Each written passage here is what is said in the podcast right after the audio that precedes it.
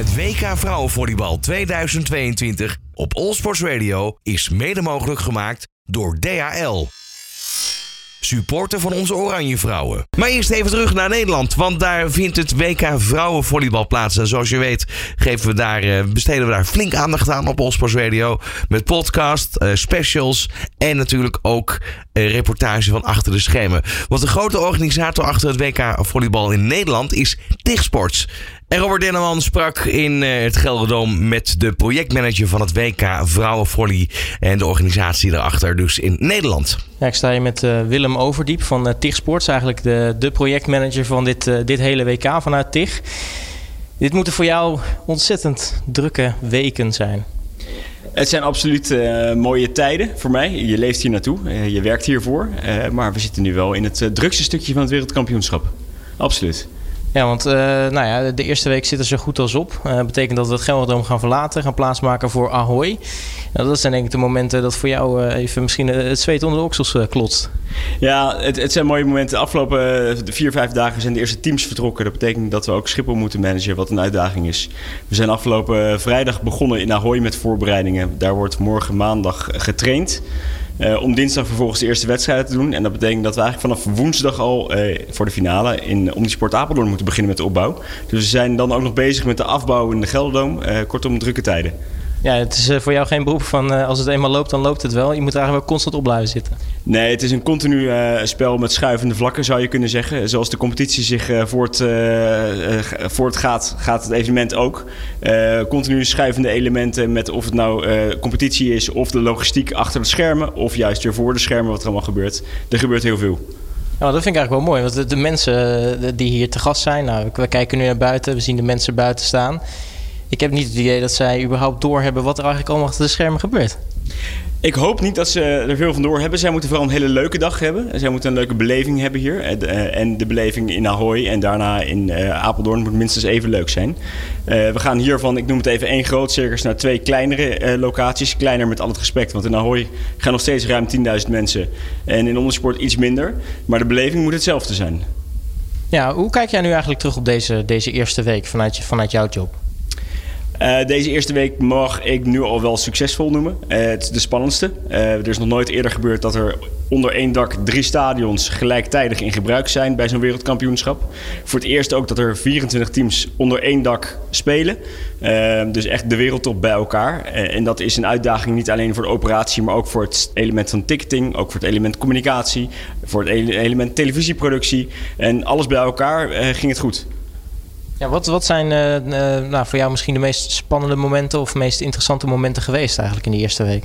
De, de, spannende momenten zijn niet per se de Nederlandse wedstrijden, want daarvan weet je uh, met de ervaring die we hebben wat er ongeveer kan gaan gebeuren. de spannende momenten zijn dat er drie teams tegelijkertijd op verschillende momenten gestart zijn, maar op tegelijkertijd spelen in de Gelderdoom. dat betekent dat je eigenlijk drie losse draaiboeken naast elkaar hebt. eentje voor publiek, eentje voor communicatie, eentje voor back of house en de cateraar.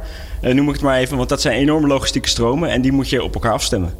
En waar kan je nou het meeste van genieten eigenlijk? Nou ja, het, het, meest ga ik genieten uh, als we in Apeldoorn zitten in de finale. Als ik weet dat het logistiek moeilijkste stukje van het evenement erop zit. Um, en dan kun je ook een beetje terugkijken op wat er allemaal gebeurd is. Je zit er nu nog zo in dat uh, reflecteren best wel lastig is, omdat je ook een beetje geleefd wordt deze dagen. Dus het moment dat je iets meer rust kan pakken, dan ga je ook even terugkijken. Wow, wat hebben we eigenlijk allemaal met elkaar voor elkaar gekregen? Ja, want uh, we liepen eigenlijk wel een beetje te geinen toen we naar deze locatie toe liepen om, uh, om dit interview te doen. Van, uh, ah, eindelijk zonlicht, maar heb je eigenlijk veel van de buitenwereld gezien? goeie vraag. We hebben hier bij de Gelderdoom een fanzone buiten. Dat zorgt ervoor dat ik nog wel buiten kom. maar overdag is toch wel 80% van mijn tijd in de Gelderdoom. En de Gelderdoom ja, met het dak dicht, dan zie je weinig. weinig daglicht. Ja, nu had je het over de grootste uitdaging van het Gelderdoom was dus hè, al die draaiboeken naast elkaar, drie velden, al die teams hier. Wat wordt nu voor het volgende stukje de grootste uitdaging voor, voor Ahoy? Ahoy uh, is iets eenvoudiger qua sportevenement. Het is één veld en het is uh, uh, daardoor drie wedstrijden op een dag. De grote uitdaging ligt niet daar in de logistiek, maar in het ja, laat beschikbaar komen van de volgende fase van het wedstrijdprogramma. Die komt vanavond pas, terwijl er over nou ja, 36 uur later de eerste wedstrijd wordt gespeeld. Ook daar willen we een volle bak. we weten dat Nederland dinsdag speelt. We weten nog niet tegen wie. En we willen wel dat er 10.000 man op de tribune zit. Dat is een uitdaging. Ja, en nu uh, komt natuurlijk ook uh, het Omnisport nog eraan. Uh, wat, wat zijn wat dat betreft de uitdagingen voor, voor dat stukje van het toernooi?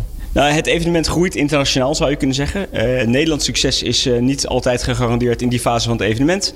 Uh, internationaal betekent dat er grote mediastations uit het buitenland komen. En Omnisport is niet een hele ruime locatie. dus daar zijn de vierkante meters erg waardevol. En dan wordt het gewoon heel veel passen en meten met alle mensen die belang hebben in het evenement. Buiten onze organisatie. Dat wil de internationale federatie zijn, dat kunnen internationale sponsoren zijn. Mediastations niet te vergeten. Uh, het is een mega-evenement uh, wereldwijd waarin we Nederland dat niet altijd op waarde schatten.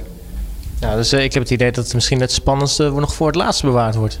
Uh, operationeel gezien binnen, uh, is, is dat wel een spannende. Uh, ook omdat we daar natuurlijk wel een visitekaartje willen afgeven aan de rest van de wereld, wat we in Nederland allemaal kunnen. Dus daar wordt ook nog wel een behoorlijke show van gemaakt. Uh, want we hebben twee finales op één dag, 15 oktober. En daar komt nog een mooie halftime show tussen. Dat betekent ook dat er behoorlijk wat, ik noem het even, entertainment technieken, hè, de festivaltechnieken komen kijken. Dat moet er allemaal in. en daarvoor hebben we weinig tijd. En dan ben ik eigenlijk wel benieuwd tot slot, Willem. wat, wat is nou het eerste wat je gaat doen op het moment dat dit WK klaar is? Nou, ik zou je eerlijk zeggen, eh, dat is de ervaring. Ik heb de eerste week geen vakantie geboekt, maar de week daarna ga ik wel even lekker een weekje vrij nemen. Zodat ik de hectiek even uh, een plekje kan geven uh, na de finale. En daarna neem ik inderdaad een week vrij. Willem Overdiep, projectmanager van Sports, mag ik je hartelijk danken voor je tijd. En natuurlijk heel erg veel succes met de, de laatste loodje, van in ieder geval de komende twee weken. Dankjewel, leuk dat je er was. Het WK Vrouwenvolleybal 2022 op All Sports Radio. Radio.